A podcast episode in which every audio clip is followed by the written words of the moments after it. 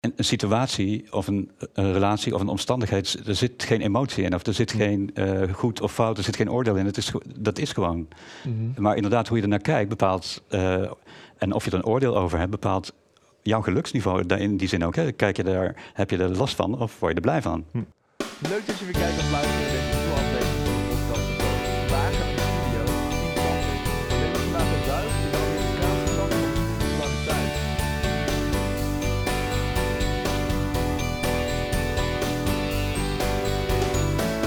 Podcast of Hope, moving towards happiness. Nou, leuk dat je er bent. Dankjewel. Ja, Ik vind het ook heel leuk. Ja, we, we gaan in gesprek over geluk. Is dat een onderwerp wat je veel bezighoudt in het dagelijks leven? Nou, eigenlijk niet geluk direct eigenlijk. Eh, Daar ben ik eigenlijk niet zo mee bezig. Maar ik ben wel heel erg bezig met ehm, de dingen die, dan, die leiden tot geluk, zeg maar. Of die dat aan zouden moeten bijdragen. Eh, Ja. Dus of je... Kijk, ik, ik geloof niet zozeer in dat je geluk zo kunt maken. Mhm. Maar er zijn wel een aantal knoppen waar je aan kunt draaien om dat geluksgevoel te versterken. Dus die knoppen, daar ben ik wel mee bezig, maar niet met het geluk zelf. Ja, dat, eh, je bent niet met die knoppen bezig ehm, om het geluk omhoog te krijgen. Dat is gewoon een soort van bijzaak. Eigenlijk wel. Eigenlijk is dat het effect, zeg maar. Ja, ja, ja. Ja, en wat voor... Dus, Oké, wacht. Dus geluk is voor jou iets wat door die knoppen eh, geregeld wordt. Wa- wat zijn die knoppen dan? Ehm, ja, dus hoe je er tegenaan kijkt. Hè? Als ik vanuit eh, een spirituele ingang er tegenaan kijk, Mhm. dan, dan zie ik een aantal knoppen. Bijvoorbeeld hoe verbonden je bent met jezelf. Ja. Eh, Hoe, hoe goed je in contact bent met jezelf. Of je ehm, bijvoorbeeld hoe je naar de wereld kijkt. Wat je perspectief is. Hoe je, kijk je met een positieve blik naar de wereld of een minder positieve blik. En naar jezelf vooral ook hè, Mhm. eigenlijk. Ben je zonder oordeel bijvoorbeeld. Of met heel weinig oordeel. Ehm, een andere manier is ook om te kijken naar, ja, ik noem dat je vibratie. Maar je vibratie is eigenlijk ook iets dat wat je wel kunt beïnvloeden. Ehm, ehm, maar in principe is dat ook een gevolg van. Dus dat zit, voor mij is vibratie en geluk bijna hetzelfde, zeg maar. Eh, s- misschien moet ik dat nog even toelichten. Vibratie zou je kunnen zeggen als een soort emotionele schaal. Hè? Want voel ik me niet zo lekker, eh, Ja. ben ik een beetje bang of ben ik boos, of dan zit je een beetje aan de onderkant van die schaal. En voel je heel vervuld of heel blij of heel veel vreugde. Eh, dan zit je helemaal aan de bovenkant van die emotionele schaal. Mhm. Dus dat, dat zou ik dan de vibratieschaal noemen. Ja, en dat daaraan, aan die vibraties kun je als het ware meten hoe gelukkig je bent. Of of je gelukkig bent. Ja, voor, voor zover als ik eh, eh, verstand heb van geluk, zeg maar, Mhm. is dat voor mij bijna één op één. Ja. Maar als eh, geluk dan niet je doel was om dan met die eh, ja, knoppen bezig te zijn, Ja. wat was het dan wel? Ehm, in de praktijk gaat het heel vaak bij mij over twee dingen. Eén is om eh, minder gedoe te hebben in je leven. Hmm. Dus dat betekent dat je minder aan de onderkant van die schaal zit. eh, Mhm. Als je die dingen weghaalt, kun je makkelijker aan de bovenkant van die schaal zitten. Dus kun je makkelijker dat geluksgevoel hebben. Ja. Dat is één. En twee is eigenlijk hoe je meer vervulling kunt krijgen in je leven. Dus hoe je meer betekenis, zingeving, Ja. liefde, noem al die mooie dingen op. Eh, hoe je dat meer kunt doen. En het een is vaak nodig, minder gedoe is vaak nodig om ook die eh, meer vervulling te kunnen ja, is het een beetje zoals de Mm. piramide van Maslow? Dat hoe hoger je daarop komt, hoe meer je, hoe hoger je ook bij, bij die vibraties komt? Eh, nee, zo zie ik het niet. Nee.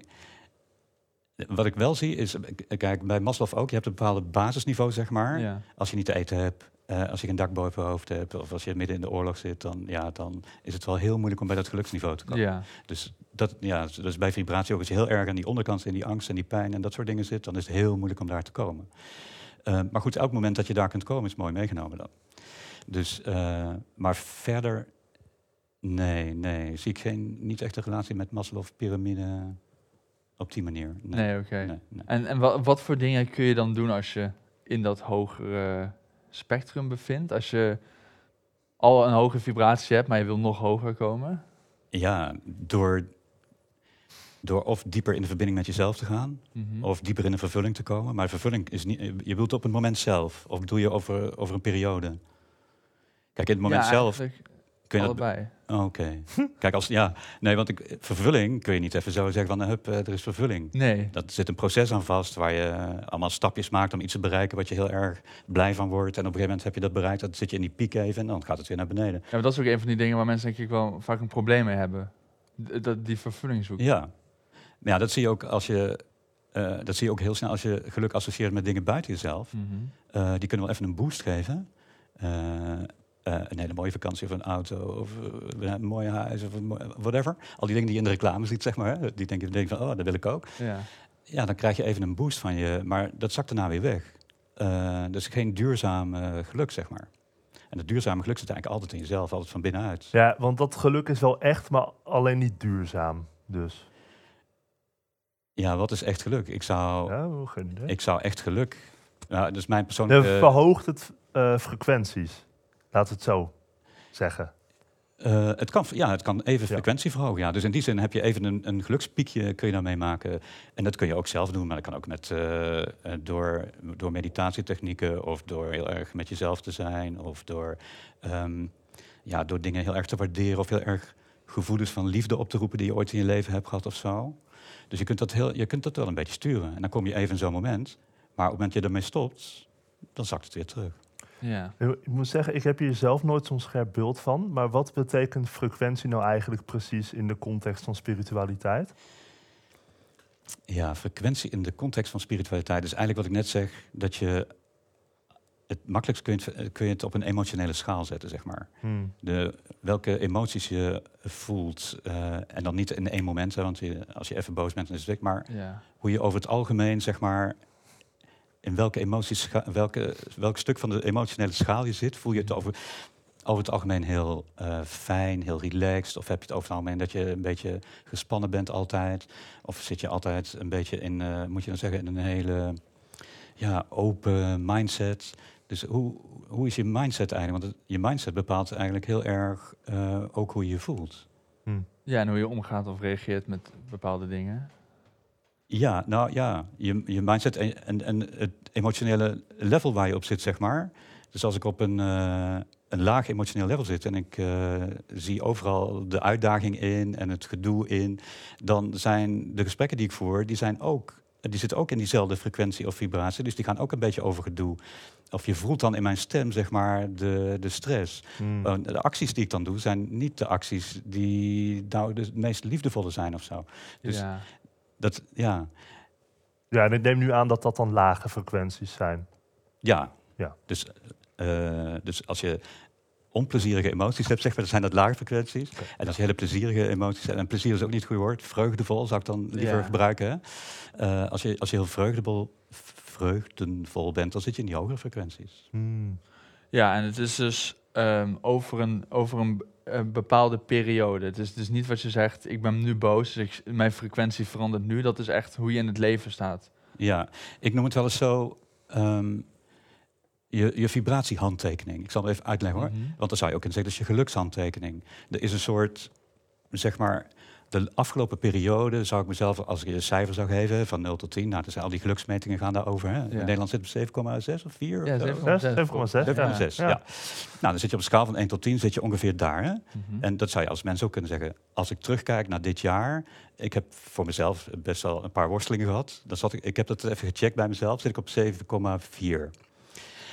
Maar dat is een algemene, eh, eh, dus dat is een vrij duurzaam cijfer, zeg maar. Maar daarnaast kun je zeggen, bijvoorbeeld, als je dat nou in stukken zou hakken, in Ja. bepaalde gebieden. Je hebt bijvoorbeeld, eh god weet het ook alweer, dat eh, coachingwiel bijvoorbeeld, hè, die, die, die hakt het in acht stukken. Dan zeg je, Mhm. nou, hoe gaat het met je gezondheid? Hoe gaat het met je relatie? Hoe gaat het met je werk? Hoe Oké, gaat het met je financiën? Als je daar diezelfde eh, plot op zou maken, dan heb je al een meer, ehm, hoe moet je het zeggen? Een, een, een uitgebreidere kijk op waar zit jouw geluk meer en waar zit jouw geluk minder, zeg maar. Ja. Vandaar ik het een handtekening noem. Dan zou je ook nog kunnen kijken, ja, maar waar zaten nou de afgelopen periode de, de pieken voor mij? Hè? Waar werd ik nou echt super blij van? En zeg van, nou daar en op dat gebied. En waar zaten de echte de pijnpunten? Nou, daar en daar. En dan zou je ook nog kunnen zeggen van, nou, als ik dan mijn geluk, eh, aan mijn geluk zou willen werken, waar kan ik dan het best aan werken? Ja. Nou, dan kun je dus inderdaad werken bijvoorbeeld aan die punten die die, die vibratie of de, de, de emotionele schaal heel erg naar beneden halen. Dus als je zo'n handtekening van jezelf zou maken, van je geluk, dan heb je eigenlijk een veel uitgebreider inzicht in je eigen geluk. Hmm. Ehm, en het is op zich heel makkelijk om dat te doen eigenlijk. Dus ik doe dat ook in mijn, in mijn spirituele avond, Ja. zeg maar. Dan doe ik die oefening met mensen. Eh, ja, en dus het is heel leuk, want er, er komt een beetje een plaatje uit. En als het goed is, is het best herkenbaar. Maar er komen ook meteen eh, de fijnpunten en de pijnpunten uit, zeg maar. Mm. En dan kun je kijken van, nou, wat zijn nou de thema's voor mij persoonlijk... waar ik iets aan mee verder zou willen ontdekken... waar ik meer geluk in zou willen bereiken. Ja, want je zei, eh, over, dat ging dan over afgelopen jaar. Ik heb dat gecheckt, ik had een 7,4. Maar hoe, Ja. hoe check je dan dat je een 7,4 hebt? Eh, heb je een soort van lijst waar je dingen gaat afvinken en dan geeft dat je een cijfer? Ja, normaal gesproken eh, doe je dat gewoon op je eigen gevoel, zeg maar. Van denk van, nou, het zit ongeveer hier. Zeg Ja. maar. Zo werken die, die vraagstellingen ook bij die, eh, ehm, bij die enquêtes die ze dan over de hele wereld doen, hè, over dat geluk. Dus dat zijn vragen die, ja, waar je een bepaald gevoel bij hebt. Dus, nou, dat is ongeveer zo. Eh, Ja, je kan het niet echt empirisch meten of mensen gelukkig zijn of niet. Dat is waarschijnlijk, dan moet je uiteindelijk aan ze vragen. Ze moeten dat Ja. zelf. ja, het zijn, altijd, het zijn altijd vraaglijsten, zijn altijd subjectief. Het zijn altijd subjectieve antwoorden die je krijgt. Ja, ik kan niet over jou zeggen, jij bent nu gelukkig. Nee, Nee. nee, nee. Überhaupt iets over een ander te zeggen wat heel erg van binnen komt, is natuurlijk heel eh, ingewikkeld. Ja. Dat kan eigenlijk niet. Nee. Ja, ik kan misschien mijn eigen ideeën op jou projecteren, maar dan ben ik eigenlijk egoïstisch bezig. Ja, maar dan zeg je dus iets over jezelf en niet over mij. Ja, Ja, precies. Ja, ja, nee, klopt. Ja. Maar hoe ik het nu gedaan heb, is eigenlijk nog grappiger. Ehm, ja, ik kan met, moet je zeggen, ik kan een dialoog voeren met mijn eigen intuïtie, noem ik het maar, Mhm. voor het gemak. En ik kan gewoon vragen stellen, ik kan gewoon antwoorden binnen. En dat is heel grappig wat ik gedaan heb. Dus ik heb precies dit ook voor mijn eigen handtekening gedaan. Ik zei, nou, wat komt eruit? Nou, dat is die 7,4. Ik denk, nou, dat is onder het landelijk gemiddelde. Ja, oeh, Gaat niet goed met mij. oeh. En, eh, en ik ben iemand die dat dan eh, mensen daarbij moet helpen om een stapje verder te komen. Maar ik heb dus zelf ook mijn worstelingen. Ja. En, ehm, en maar verder die handtekeningen, dat doe ik dus ook in die dialoog. En dan komen allemaal losse cijfers uit voor die acht gebieden. Ik denk, nou wil ik toch wel eens even weten, achteraf dan. Hè? Als ik die nou optel en deel door elkaar, klopt het dan ook? Ja, dat klopt het nog ook. Oh, Ik denk, oh, nou, dat is bijzonder. Ja. Dat zijn antwoorden die ik gewoon binnenkrijg, zeg maar, eh, zonder daarover te na te denken of te voelen. Dat is gewoon, eh, ja, zo doe ik dat dan. ja, en er Ja. zijn dat dan dingen waar je iets aan kan doen? Is het, kun jij dus nu nog 2,6 erbij krijgen? Of zijn het bijvoorbeeld externe dingen waar je eigenlijk helemaal geen macht over hebt? Nee, nee, ik ben van mening dat je, afgezien van die basis, hè, als dat je Mhm. niet in een oorlogssituatie zit en dat je te eten hebt en een dak hebt, dat het heel maakbaar is, je geluk. Mhm. Ja. Want het zit echt in jezelf. Ehm, ja, en daar kun je heel veel in doen. En we hebben natuurlijk allemaal een historie, hè, maar ook die historie, die kun je anders bekijken. Je hoeft niet per se in therapie te gaan voor je historie om dat te verbouwen. Je kunt ook een, op, met een heel andere kijk ernaar kijken. En dan, als je anders kijkt, dan zijn de dingen anders en dan voel je het ook anders. Dan kun je ook zo op die manier je geluk beïnvloeden. Ja, dus ja, dat is hoe jij naar dingen kijkt is heel belangrijk. Maar is het Ja. dan in jouw geval, je zou dus, er zijn dus dingen waar je beter naar zou kunnen kijken bijvoorbeeld? Ehm, dat, waar je beter naar zou kunnen kijken? Ja, je zei, eh, ik, ik, ik kan nog eh, verbetering erin brengen. Oh ja, nou ik heb voor mezelf even gecheckt, hè, wat, zou ik nog, eh, wat is mijn potentieel, hè, wat Ja. nu makkelijk binnen mijn bereik ligt. En het antwoord was geloof ik van eh 8,4 tot 9 eh, makkelijk binnen een jaar. Oké, Maar dat is mijn eigen antwoord dan, hè, van mijn eigen Ja. zelf. Dat is wat je intuïtie je Ja. gaf. Oh ja. Ja. Dus, en hoe gaan we dat dan doen? Nou ja, eh, voor mezelf weet ik wel een paar dingen waar het mee te maken heeft. Dat heeft heel erg te maken met de verbinding met mezelf. Ik ben iemand die, eh, moet je dan zeggen, ehm, ik heb in het verleden heel hard gewerkt. Mhm.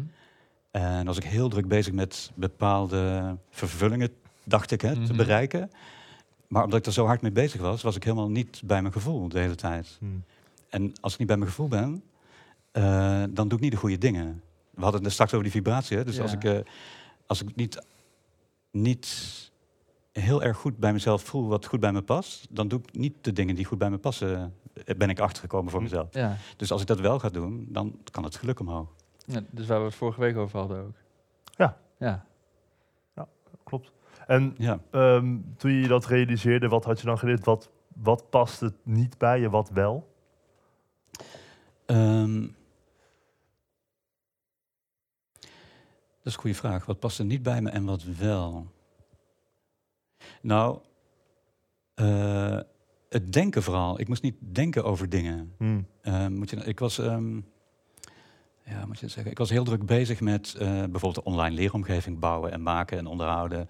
Ehm, terwijl ik eigenlijk moet voelen van ja, maar waar, waar kan ik de meeste waarde aan mensen toevoegen? is veel belangrijker dan met al die dingen bouwen bezig zijn.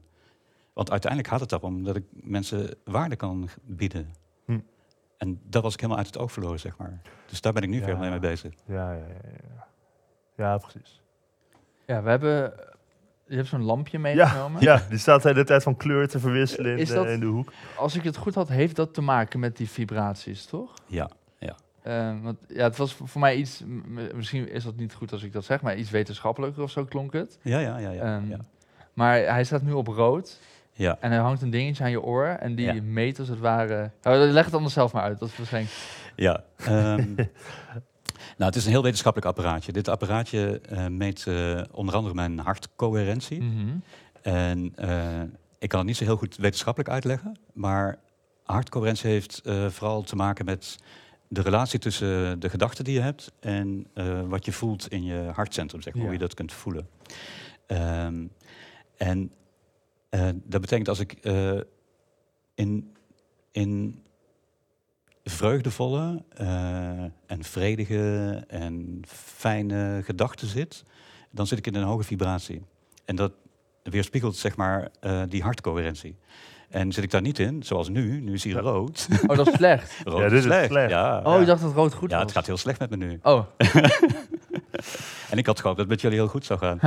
maar en net werd hij eventjes blauw. Ja, Hij is ook al een paar keer paars geweest, zag ik Ja. hoor. Ja. Nee, dit, is, dit ding is real-time. Dus eh, er zit een halve minuut vertraging in, denk ik, omdat hij een aantal hartslagen moet Ja. meten om die coherentie te meten. Mhm. Maar er is heel veel wetenschappelijk onderzoek naar gedaan eh, door een instituut in Amerika. En dat ding is, denk ik, nu in twee jaar of zo op de markt. En die lamp is net dit jaar op de markt gekomen. Ja. Eh, en die lamp die vertaalt zeg maar de cijfers die hier in de grafiek gemeten worden in, in een lichtkleur. En als ik heel erg in mijn hoofd zit, wordt hij meteen rood. Mhm. Als ik heel erg in mijn gevoel zit, dan wordt hij meteen eh, andere eh, groen of blauw. Of... Ja, en is dat bijvoorbeeld nu ook omdat wij dan vragen stellen, dus Ja, we gaan nadenken, nadenken. over die vraag. Misschien wel Ja. logisch dat Ja. rood is dan, ja. Ja. Ja, of als je een beetje een spanning hebt van eh, een beetje een aparte omgeving waar je zit. Die Ja. niet, dat kan, hè? Dat kan van En, wa- alles zijn. wat zou er nu moeten gebeuren om die op, op blauw te krijgen dan? Kunnen we jou daarmee helpen? ja. Nou, in principe moet ik dat natuurlijk zelf doen. Ja, oké. En, eh, dus kun je me daarbij helpen? Ja, er zijn dingen van buitenaf die kunnen mijn proces makkelijker maken natuurlijk. Hmm. En, eh, maar het blijft nog steeds mijn proces. Ja. Dus ja, wat kan ik doen? Ik kan eh, op de eerste plaats mijn ademhaling vertragen. Eh, een beetje rustig ademen. En ik kan denken aan, denken aan dingen die, waar ik heel veel waardering voor heb. Bijvoorbeeld dat ik hier met jullie nu ben vanavond. En dat we over geluk mogen praten. Want dat is een heel mooi onderwerp, vind ik. En nou, allerlei dingen waarvan ik denk van, oh, dat is fijn zeg. En je ziet dat ik al langzamer praat nu ook. en de volgende stap is eigenlijk dat je denkt van, oké, kan ik doorschakelen naar een nog dieper gevoel eh, van verbinding en liefde. En als ik terugkijk naar mijn leven, naar eh, momenten waar ik heel erg ehm, die verbinding voelde en heel erg dat gevoel van echte onvoorwaardelijke liefde voel voor, voor wie dan ook, zeg maar. En als ik even in dat gevoel probeer te kruipen, eh, dan kun je nog een stapje hoger gaan. En de hoogste stap die ik ooit voor mezelf gehad heb, zeg maar dat je helemaal in een soort van, eh, ja, hoe moet je dat zeggen?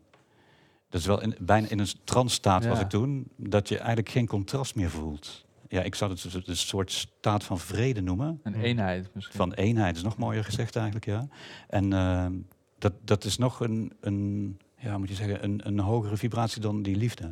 Dat was voor mij heel verrassend trouwens. En dat is één keer gebeurd. Of, eh, Dat ik in die staat Ja. ben? Nee, normaal gesproken lukt dat vrij aardig. Ik heb op YouTube... oh, je, zit, je kan heel vaak kom je in die staat van eenheid. Nee, nee, oh, nee, dat is niet waar. Maar ik kan wel dat gevoel daarvan... Van, nee, dat klopt. Dat is eigenlijk maar één keer gebeurd. Dat is, heel, Oh, nee, dat is een goeie. Maar wat je wel kunt doen, is dat gevoel van die ene keer weer terughalen. En weer in dat gevoel proberen te kruipen, zeg maar. Ja, weet je, als een herinnering. Als een herinnering, maar dan um, opnieuw voelen. Ja, Hm. Dat is de kunst eigenlijk. hè. Je kunt die herinnering denken van, oh ja, dat zag er zo en zo uit. Maar hoe voelde die, weet je wel? Dat je echt in dat gevoel kruipt. Ja, ik kan me voorstellen dat als je bijvoorbeeld iets doet als meditatie, dat dat dan blauwer wordt. Ja, ja. Ja, dat is ook een leuke meditatiemeter op die manier eigenlijk. Ja, eh, Ja.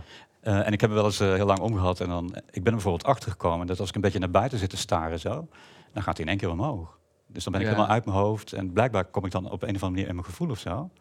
Eh, nou, dat werkt heel goed. Ik kan me ook voorstellen dat het misschien soms averechts werkt. Bijvoorbeeld nu, nu heb je dat ja, ding nu werkt staan.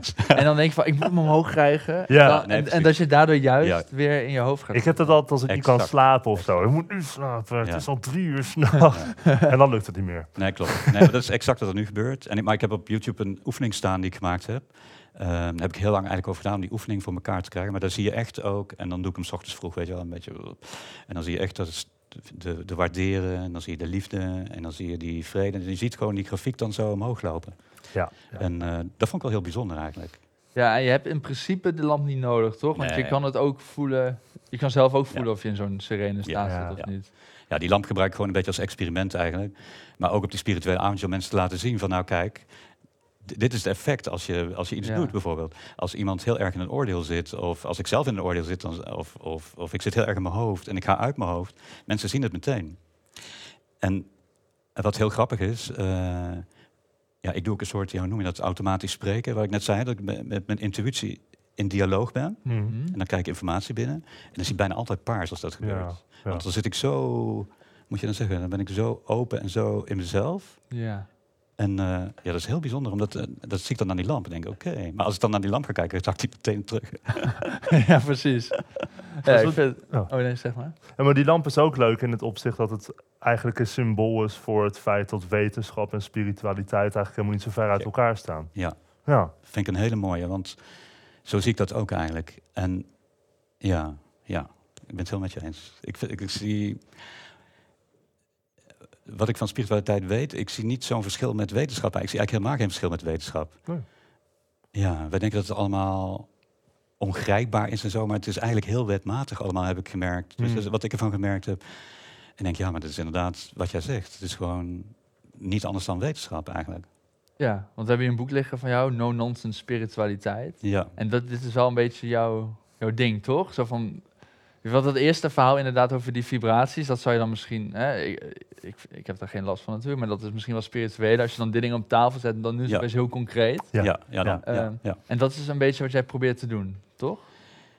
Ja, ik probeer, eh, moet je nou zeggen, ik, ik probeer meer, het meer concreet te maken. Dat je niet eh, bij bepaalde woorden een hele grote betekenis kunt hebben. Kijk, alleen eh, spiritualiteit al, voor mij is spiritualiteit zeg maar eh, de samenwerking tussen je stoffelijke en je onstoffelijke zelf. Hm. Punt. Meer dan dat is het voor mij niet. Hm. Eh, en de dingen die je daarin kunt doen, eh, die zijn niet, vind ik niet, ja, moet je dan zeggen, eh, niet heel gek of zo. Mensen die niet spiritueel zijn, doen diezelfde dingen. Ja, maar ik denk ook dat sommige mensen het al raar vinden om aan te nemen dat er iets is als een onstoffelijke dat is wat ik zelf. ook zeg, ja. Ja, ja. Eh, ja, dat is waar. Maar van de andere kant is het ook zo. Volgens mij blijkt uit onderzoek dat ongeveer eh 80% van de hele wereldbevolking gelooft dat er iets is wat meer is dan jezelf. Hmm. Of dat er iets is ook na de dood. 80 jaar? Ja, dat is echt heel hoog, dat Ja, heel- heel percentage. veel mensen ik vond het ook al eh, best wel, dat had ik nooit gedacht. Maar ik vind, wat ik dan interessant vind, is, eh, ja, als er niks is na de dood, of als er iets zou zijn na de dood, Ja. zou er dan ook iets zijn voor dit leven, zeg maar. Wo- Ja. Ja, Maar voor mij maakt het niet uit, voor mijn spiritualiteit maakt het niet uit, want de dingen die ik behandel, zeg maar, maakt niet uit of je wel of niet in onstoffelijke iets gelooft, zeg maar. Ja. Want er, de, eigenlijk, er zijn eigenlijk maar, ja, ik had het straks over die knoppen waar je aan kunt draaien. Als je naar spiritualiteit kijkt, in mijn beleving, zie ik eigenlijk maar vijf knoppen waar je aan kunt draaien. Er zijn nog twee knoppen, maar daar kun je niet aan draaien, want die gaan vanzelf. Oh, oké. Maar eh, je kunt eh, je intuïtie eh, beïnvloeden, hè? die kun je uitnodigen. Je kunt Mhm. vragen stellen voor je intuïtie. Je kunt je gevoel beïnvloeden. Daar hebben we het nou, met die vibratie al heel erg over gehad. Eh, je kunt eh, je denken beïnvloeden, de intenties die je hebt. Die hebben heel veel impact op eh, wat er om je heen gaat gebeuren. Ehm, het is heel belangrijk dat je kunt voelen. Dus het, het voelen is één ding. Hè. Sommige mensen kunnen heel moeilijk voelen. Ik ga mezelf, nou, ik kon vroeger echt niet voelen. Dat heb ik echt weer opnieuw moeten leren. Ja, opnieuw moeten leren. sorry? Opnieuw moeten leren. Ja, want dus- als, als klein kind kon ik dat Ja. natuurlijk wel. En, maar er zijn een aantal dingen in mijn leven gebeurd die niet zo leuk waren. Hmm. Waardoor ik dat allemaal geblokt heb voor mezelf. hm. En eh, ja, als je niet in dat gevoel kunt komen, dan is het ook heel moeilijk om bij je intuïtie te komen en bij je gevoel te komen. En, en ook die, die, die positieve intenties te hebben, zeg maar. Ja. Dus, ehm, maar intenties is voor niemand een vreemd woord. Eh, intuïtie is ook voor bijna niemand een vreemd woord. En eh, je gevoel is ook voor niemand bijna een vreemd woord. En ehm, hoe moet je het zeggen? Ja, door in die, in die flow te zijn eh, is ook voor niemand een vreemd woord eigenlijk. Dus dat, dat zijn hele gewone dingen. Of je nou wel of niet in het onstoffelijke gelooft, kun je heel veel doen met die, met die tools, zeg maar. Ik noem het tools, power tools noem ik het. Ja. En misschien zijn die dingen zijn ergens ook wel onstoffelijk, toch? Of je er wel of niet in gelooft. Je Ja. gevoel is niet iets wat Ja. je kan vastpakken. Dat Ja. is iets... Nee, misschien bestaat het helemaal niet. Dat is gewoon iets ons, ja, onstoffelijks, inderdaad. Maar als je vraagt waar intuïtie nou vandaan komt, dan weten heel veel mensen, hebben daar geen idee van, zeg maar. Het maakt ook helemaal niet uit. Je hoeft er helemaal geen idee van te hebben. Als het Nee. werkt, is het goed, weet je wel. Als je denkt in één keer van, eh, eh, ja, ik moet in één keer die kant op lopen, of ik heb het heel sterk het gevoel dat ik dat moet doen. Mhm. eh, ja, dan is dat gewoon goed, weet je wel. De- Ja, je hoeft, je hoeft al die je er andere... mee in contact kan komen, is het eigenlijk gewoon prima. Maar Ja. het- ja, nou ja, dat, Dus qua spiritualiteit hoef je niet, moet je dan zeggen... ehm, ja, je hoeft niet hele gekke dingen te doen of zo, Hmm. om heel spiritueel te zijn in mijn beleving. Juist niet. Dat leidt alleen maar af. Maar die, die knoppen waar je het over had, zijn dat de power tools? Ja, dat zijn de power tools. Oké. En je zegt die kunnen je leven gemakkelijker. Maar je kan, voor mij zei je zelfs dat je er rijk mee kan worden. Of, Ja, er zijn eigenlijk, ja ik, eh, ik zie daar twee smaken in, zeg maar. En gemakkelijker en rijker. Mhm. Eh, en gemakkelijker betekent eigenlijk, waar we het straks ook even over hadden... hè, als je aan de onderkant van die vibratie zit, om daar eh, die dingen te transformeren naar de bovenkant. Mhm.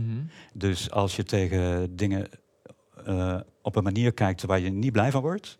op een manier leren kijken waar je er wel blij van wordt, zeg Mm. maar. Ja. Dat is één, dus dan wordt je leven gemakkelijker in die zin. Want dan ga je ook eh, de acties en gedachten en de dingen die je doet, die zitten dan ook in een hoge vibratie. Dus het wordt allemaal makkelijker. Maar het rijker maken hadden we het straks ook over. Dat zit meer in de vervulling en de zingeving in, eh, in het leven. Ehm, en dan is het heel belangrijk om aan te sluiten bij je verlangens en je verlangens goed te kennen. En ehm, ja, moet je nou zeggen, ik heb heel veel ja, heel veel met mensen gewerkt. En wat me toch telkens verbaast is heel niet zo, nou laat ik het voorzichtig zeggen, maar veel mensen kennen hun eigen verlangens niet zo goed.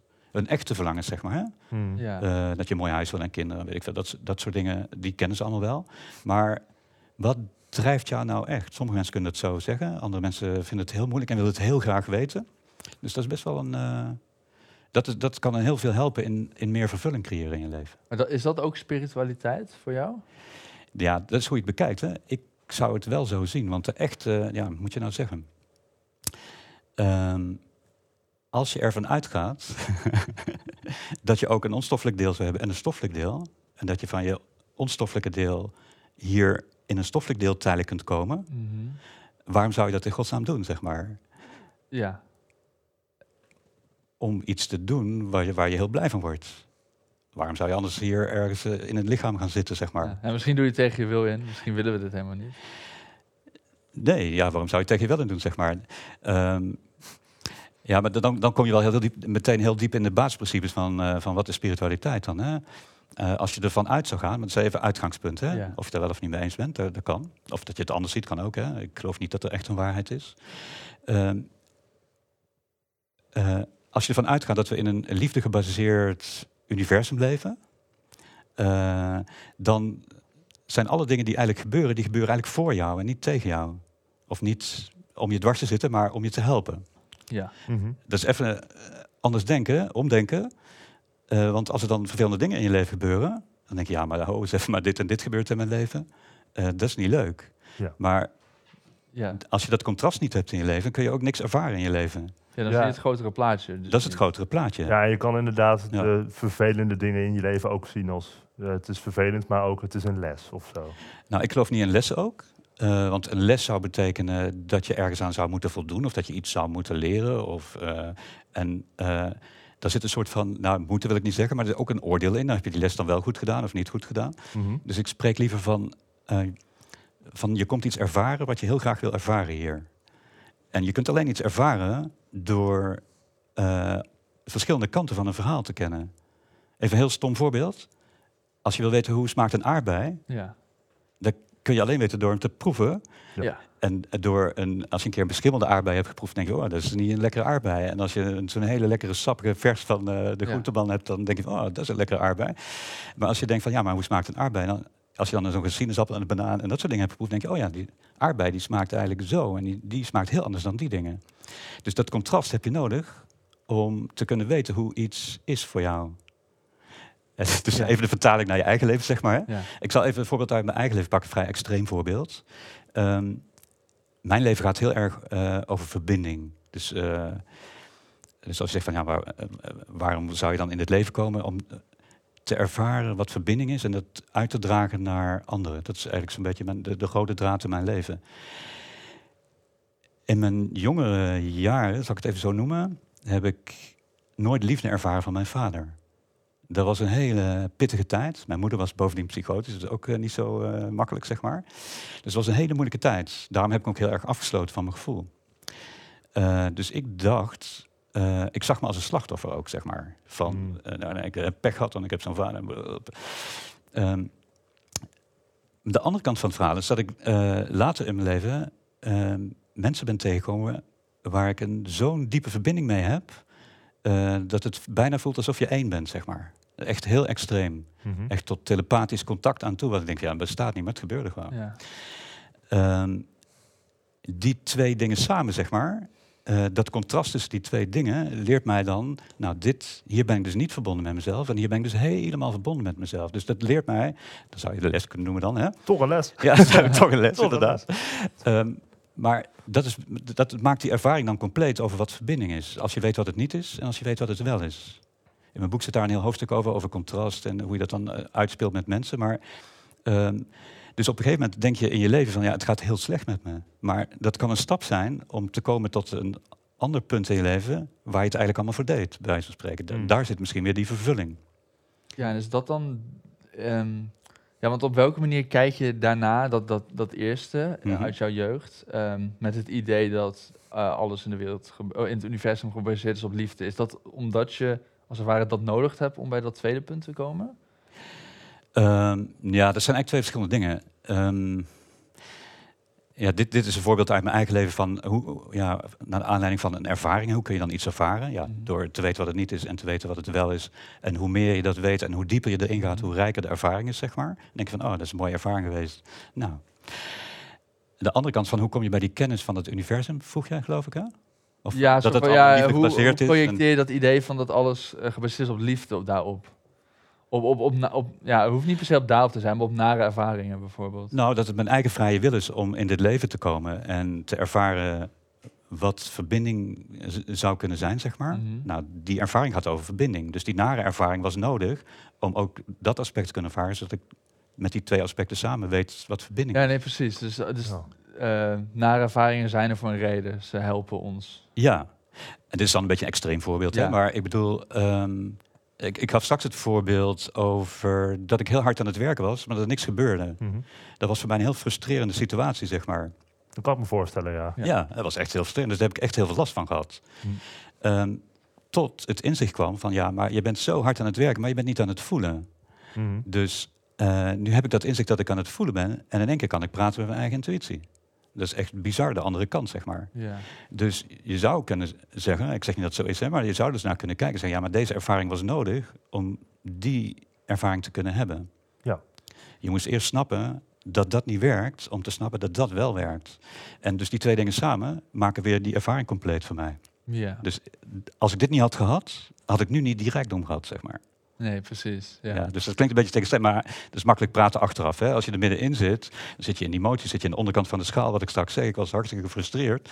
Ja, daar word je niet blij van. Ja, maar dat, dat besef zou je wel weer kunnen helpen als er misschien eh, eh, dergelijke situaties in Ja. je leven komen. Dat je weet, oh, dit is, dit is er voor een reden. Ik moet me er niet helemaal kapot aan maken. Exact.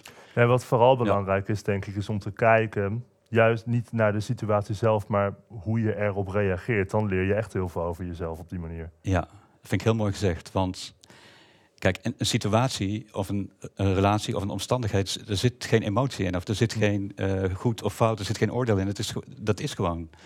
Maar inderdaad, hoe je er naar kijkt, bepaalt. eh, en of je er een oordeel over hebt, bepaalt jouw geluksniveau. In die zin ook. Hè. Kijk je daar, heb je er last van of word je er blij van? Hm. Ja, absoluut. Heel mooi gezegd. Is oordelen slecht? In mijn ervaring eh, en, alle, en, en- en over alle kennis waar ik eh, toegang toe heb, is oordelen is de grootste vijand van verbinding. Oh, echt, ja, oké. met, met verbinding als het ultieme goede in, dit opzicht. Eh, nou, verbinding, zeg maar, als de. hoe moet je dat zeggen? Verbinding als de, de stap naar de grote vreugde voor jezelf. Ja, oké. Ja. Dus eh, meer geluk. En, want op het moment dat je in een oordeel zit, dan wijs je iets af. Mhm. En als je iets afwijst, eh, moet je nou zeggen? Ja, dat, is, daar kun je nooit blij van worden. Want dat, dat, dat is een, een niet blije actie, zeg maar, iets afwijzen. Ja, ja, dat klinkt eigenlijk wel heel logisch. Als in, het is inherent een niet blije actie, dus je wordt er niet blijer van. Ja, klinkt logisch. Ja, als je er zo even abstract naar kijkt. Hè? Maar Ja. als, je, eh, als mensen in situaties zitten waar ze eh, heel veel oordeel hebben. Meestal gaan de oordeel over zichzelf, nog niet eens over een ander. Mm. Maar dat ze niet goed genoeg zijn of eh, eh, dat ze iets niet kunnen of, of eh, noem het allemaal maar op. Ehm, dan is het heel moeilijk om bij dat besef wat jij nou zo mooi schetst, zeg maar, om dat te snappen. Om daarbij te kunnen, zeg maar. Dat is heel moeilijk. En meestal zijn oordelen over anderen alsnog geprojecteerde oordelen over jezelf. Ja, heel vaak wel, ja. ja, ja. Nee, maar dat, dat oordeel, jij geeft het oordeel, hè? Dus ja, dat zegt meer over jou dan Ja. over die ander inderdaad. Ja, ja, ja. Ja. ja. Hey, maar wat is nou het verschil tussen Oosterse en Amerikaanse Oh, eh, ja. spiritualiteit? Want als ik het goed heb, is dit, waar, waar jij is dit een beetje een Amerikaanse eh, discipline. Ja, ik noem het wel eens zo inderdaad. ehm, nou, de Oosterse, dat, dat, ja, dat associeer ik met eh, eeuwenoude kennis van duizend jaar oud. Ehm, als je kijkt naar meditatie eh, en naar, naar, ook naar eh, hoe heet het, boeddhisme of bepaalde stromingen, zeg maar. Die bestaan al tig jaar ehm, en er zit heel veel wijsheid in. Dat klinkt goed. Ja, dat klinkt goed. Nee, maar we- helemaal mee eens. Ehm, ehm, maar er zit ook een tijdgeest in. En die tijdgeest is van heel lang terug. Ja. Van duizenden jaren terug vaak. Ja. Maar nu is nu. We zitten nu in 20, hè? Hè? Ja. de 20e, 21ste eeuw. En als je kijkt naar mm, hoe wij anders tegen dingen aankijken dan een paar duizend jaar geleden, eh, kunnen we ook heel anders eh, tegen spiritualiteit aankijken. Ehm, en er is ook heel andere kennis vrij breed beschikbaar, die er toen eh, totaal niet was, zeg maar. Dus er zijn nu heel, veel bredere gezichtspunten en andere gezichtspunten. Dus mijn Amerikaanse blik, zeg maar, ja, wat, wat spiritualiteit is, dat is echt van de laatste 35 jaar, zeg maar. En dan heb ik het vooral over, ja, over wat in de, in de wat, ja, hoe, wat, wat veel mensen channels noemen. Ik vind het een beetje een ingewikkeld woord. Maar dat je uit de wijsheid kunt putten die groter is dan jezelf en groter is dan, dan een individu, zeg maar. Dus dat je uit een heel groot bewustzijn of een heel grote wijsheid informatie kunt krijgen over hoe wij als mensen leven. Ehm, stel je voor dat je, ik, ik zei straks, hè, ik kan mijn eigen intuïtie, kan ik dialogen mee voeren, Ja. maar dat is mijn persoonlijke kennis. Ehm, nou, sterker nog, dat is eigenlijk al de, de onstoffelijke kennis erbij, zeg maar. Ja. Maar als ik me gewoon mijn eigen kennis... Nou, ik heb je net verteld, ik heb ervaring met verbinding en dat soort dingen. Eh, en ik heb natuurlijk ook een paar boeken gelezen en films gekeken. En dus ik weet ook wel een paar dingen. Maar dat is eigenlijk...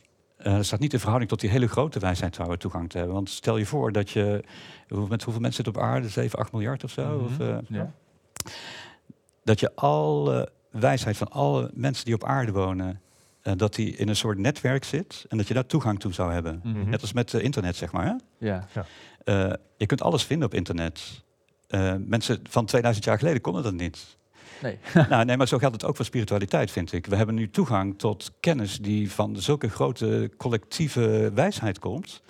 eh, die heel anders tegen die dingen aankijkt dan een paar duizend jaar geleden. Eh, en ook veel meer op die wetenschappelijke tour gaat. Hm.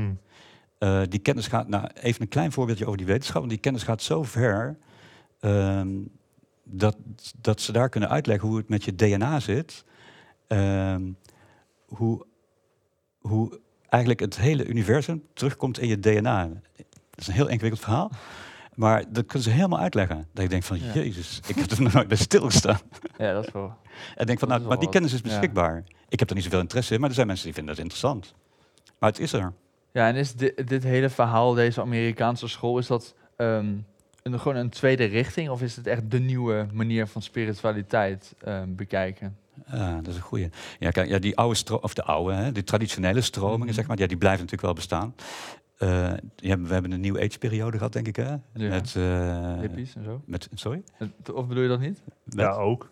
Ja, dan weet je de hippie, de hippie tijd. Ja, de hippie-tijd. Nou, een beetje de, god, hoe zal ik het zeggen, met, ehm, ja, wat had je ook alweer? Bijvoorbeeld dat je met je gedachten eh, water kunt beïnvloeden en eh, die, hoe heette die man ook alweer, de emotor en zo, dat je als je bepaalde positieve gedachten op, een, eh, op, op, eh, ijskristallen hebt, eh, of op water hebt en je gaat ze bevriezen als ijskristallen, worden ze heel, krijgen ze een heel andere vorm. En hele positieve gedachten krijgen ze hele mooie vormen. Er is allemaal heel veel wetenschappelijk onderzoek naar gedaan. Ik ken alleen een verhaal van iemand eh, die water in wijn verandert. Maar eh Nee, die kristallen... Dat is jaar oud. Ja, ja, ja. Nee, maar dat was een beetje New Age. Dat er een beetje een relatie kwam tussen wetenschap en, en, en wat we spiritueel noemen. zeg ja tussen gedachte en materie. Exact, ja. Ja. En dat is een beetje ingezet met, eh, denk eh, ja, met de kwantummechanica vooral. Mhm. Want daar zijn de eerste bewijzen gekomen dat eh, alles wat op het materiële vlak gebeurt, dus een andere wereld, als je dieper in de mato- dus, ja. atomen en subatomen en eh, uiteindelijk bij de kwantumdeeltjes komt, en uiteindelijk bij de snaren komt, de kwantumsnaren, die bewegen gewoon, die trillen gewoon. Eh, En that's it eigenlijk. Ja. Dus alles wat er omheen zit, Oh, oh, vandaar dat je ook de term vibratie gebruikt dan. ja, ik denk dat dat gaat. Ja, vibratie, dat is dan de, meer de wetenschappelijke. Ja, dat is bijna hetzelfde, denk ik. Ja. Ja. Eh, maar dat is een voorbeeld van een New Age, zeg maar. En ehm, die. Maar dat, is niet een, dat zou ik nog niet eens de laatste 35 jaar noemen. Dat is niet mijn kennis, zeg maar. Mijn kennis zit, eh, daar is het wel een beetje begonnen hoor. Maar zit vooral in die toegang tot, dat collectieve, tot die collectieve wijsheid. Ja, En nou is het toevallig Amerika. Ja, dat zou je dan niet verwachten. Hè? Je zou verwachten, komt uit het oosten of zo. Maar ja. in Amerika zitten de, eh, nou ja, de meeste mensen die toegang hebben tot die dingen. Tot die collectieve wijsheid. ja. Het is ook een beetje het centrum van de tijdsgeest. Dus misschien is het daarom ook. ja dat is Dat Misschien wel. ja. ik, weet niet. Ik, ik kan niet goed zeggen waar het door komt. Maar eh, ja, eh, als je kijkt naar wat er te vinden is aan wijsheid op dat gebied. En die toegang tot die collectieve kennis. Dan zit die vooral. eh, ik denk, nou, ik- er zijn zo honderd Amerikanen die daar de- heel goed in zijn. Ja. Zeg maar. Ja. Nee, je, je contrasteert het met hè, de eeuwenoude wijsheid van, Ja. van het oosten. En natuurlijk in het westen heb je ook heel veel spiritualiteit wat al, wat al eeuwen eh, ontwikkeld is. En dit is dus net nieuw. Ja, Sta je als het ware aan de voet van ja, een nieuw tijdperk? ben ik het nu heel erg aan het overdrijven? Is het, is het ook iets wat ons duizenden jaren... De tijd Eh, zal het zeggen, hè? Ja, nou, ik denk wel. Ja, nee, maar dat vind ik wel een leuke gedachte. Ik, ik kan daar wel aan meegaan. Ja, ik denk van wel. Eh, en ik denk dat het, wat je ook zegt, dat het veel meer die wetenschappelijke kant op zal gaan en veel minder die, ja, die associatiekant van wat we allemaal met die termen associëren, maar dat het gewoon wetenschappelijk aantoonbaar wordt. Kijk, dit is een klein voorbeeldje, ja. eh, maar ik denk dat er nog heel veel, eh, veel nauwkeurigere voorbeelden en veel, ja, hoe moet je dan zeggen, dat alles veel makkelijker aantoonbaar wordt. Bijvoorbeeld, die, nou even als voorbeeldje, wat straks over die vibratiehandtekening. Mhm. Die mensen uit het collectieve bewustzijn, die kunnen dat gewoon lezen van een persoon. Die zien gewoon, oh, dit is jouw handtekening. Oh ja, wacht even. Oh, je zit daar. Oh ja, dat heb je al tig eh, keer meegemaakt. Eh, dat kunnen nu alleen die personen. Maar ik denk dat wij dat straks ook kunnen. Mhm. Telepathie, wat ik straks zei. eh, ik heb dat toevallig één keer meegemaakt in mijn leven. Ik denk dat dat straks heel gewoon is. Om maar een paar voorbeelden te noemen. ja. Maar ik denk absoluut die kant op gaan. Ik denk echt het begin En van een nieuwe... straks, is het dan over 50 jaar of, of hebben we het dan over duizenden jaren? Nou, waar iedereen het nu heel erg over heeft. Hè, de shift. Ja. Of, of de, de, moet je dat nou hoor zeggen... je wel vaker, ja. Ja, ja, ja. Dat is even, dat, dat is nu, ja, moet je nou zeggen? Ehm, dat is eigenlijk het begin van een nieuwe tijdperk. Ja. Eh, het is een soort, moet je nou zeggen, een boost in één keer in eh, bewustzijnsgroei. Mhm. En die boost blijft natuurlijk niet boosten, maar die is even een boost van, volgens die collectieve wijsheid duurt dat een jaar 35, zitten we er middenin. En dan gaat in één keer gaan we komen in een nieuw, ja, eigenlijk in een nieuw tijdperk terecht. ja, want we zitten nu een beetje in een soort van dal. Of Ja, misschien ja. gaan we daar dus nu uit, maar Ja. spiritueel, filosofisch, het is allemaal... Ja, misschien zitten we nu een beetje in een dal, maar we gaan dus eigenlijk een hele steile weg weer omhoog. Nou, dat is leuk, hè? Want dat is nou net het verschil. ehm, als je die collectieve kennis gebruikt, die zien dat niet als een dal. Maar die zeggen, doordat je nu in die shift zit... eh, en dan ga je naar een hogere vibratie... kunnen dingen die in een lage vibratie zitten... niet meer onzichtbaar blijven. En die worden extra zichtbaar. Dus het lijkt alsof je in een dal zit... Mhm. maar eigenlijk zit je in de weg omhoog... maar vallen de dingen nu meer op en Ah. worden Ja. meer zichtbaar... Ja, ja. eh, dan ze toen waren. Dat is een interessante manier om naar te kijken. Maar ja, wel maar snap je wat het ja. perspectief dan Het is wel een positief, verschil kan ja, maken? het is een positieve manier Ja. om er naar Nou, te als ik kijken. zeg ja. dal, ik hecht er niet ja. per se een waardeoordeel aan, maar je Nee, hebt wel gelijk. Ja. Dat is, ehm, moet je dan zeggen, dat positieve oordeel, dat is wat je geluk brengt. Maar dat is ook Ja. eh, als je zegt van we zitten in een, een universum van liefde. Ja, Dan ja. kun je alleen maar dit perspectief hebben. Dat wij toevallig soms een ander perspectief hebben, Ja. is dan eigenlijk een onnatuurlijk iets of noodzakelijk voor je contrast. Ja, de- je zou eigenlijk kunnen zeggen op het moment dat je dat perspectief neemt, dat je meer in contact staat met het universum op die manier. Omdat je dan van de liefde uitgaat. Ja, ja zou je ook kunnen zeggen. Ja, ja. Ja. ja. Cheers. ja, precies. Nou ja, we zijn eigenlijk al aan het einde van de aflevering gekomen. Mhm. Vragen altijd onze gasten een voorwerp mee te nemen. En dit was jouw voorwerp. Oh ja, dat was mijn Daar hoeven we niet meer over te hebben. Of er is nog iets wat je Sinds, je over... sinds we het erover hebben, is hij rood, hè? Ja, nee, maar, eh, dan moet... Ja, inderdaad. maar aan het Oh. begin van de aflevering was je even blauw. Nee, klopt, ja. Dus, eh, ja, ja. Nee, leuk, ja. Nou, we vragen altijd onze gasten een tip, een tip te geven aan iedereen die luistert. eh, waar ze gelukkig van kunnen worden, inspiratie uit kunnen halen. Bij deze. Ja, de tip die ik. eh, nou, ik zou één, misschien even de eerste zin uit mijn boek eh, als tip willen gebruiken. Moet ik hem even erbij pakken? De tip is, koop mijn boek. Nee, nee, nee, nee, dat, nee want het is gratis trouwens. Hè? Oh, echt? Ja, ja, ja, het is gratis. Je Oh. kunt het gewoon gratis krijgen. Ehm, wat is leven, zeg maar? Mhm. En de tip is om gewoon eens even vanuit dat perspectief naar het leven te kijken. Leven is de vreugde van het voelen van wat je ervaart. Ja. Mooi. Dus dat betekent eigenlijk, wat je ook voelt, zou je vreugde kunnen geven. Dus ook eh, dingen niet prettig voelen. Of, nou, dat is een. eh, als, je, als je die gedachten zou overdenken, dat zou mijn tip zijn. Ja, dus denk hier even over na. Kijk even vanuit dat Ja. perspectief, vanuit die bril. En kijk wat met je doet, dat is mijn tip. Nou, ik ga dat ook. Ja, mooi Ja. tip. Heel erg bedankt. Ja, leuk dat je lang Ja, kwam. gedaan. Ik vond het ook superleuk met jullie. Dus eh, dank jullie wel. Bedankt voor het kijken of luisteren naar deze aflevering van de Podcast of Hope. We hopen dat je ervan hebt genoten of misschien wel geïnspireerd door bent geraakt. Iedere zondag om 10 uur komt er een nieuwe aflevering online op YouTube, Spotify en op al je andere favoriete podcast-apps. Ook kun je ons vinden op www.podcastofhope.nl. Tot ziens en veel geluk! De wereld waarin we leven biedt nog geen gelijke kansen. Voldoende eten en drinken. Een adequate opleiding. Goede gezondheidszorg. Vrede en geluk is niet voor iedereen weggelegd.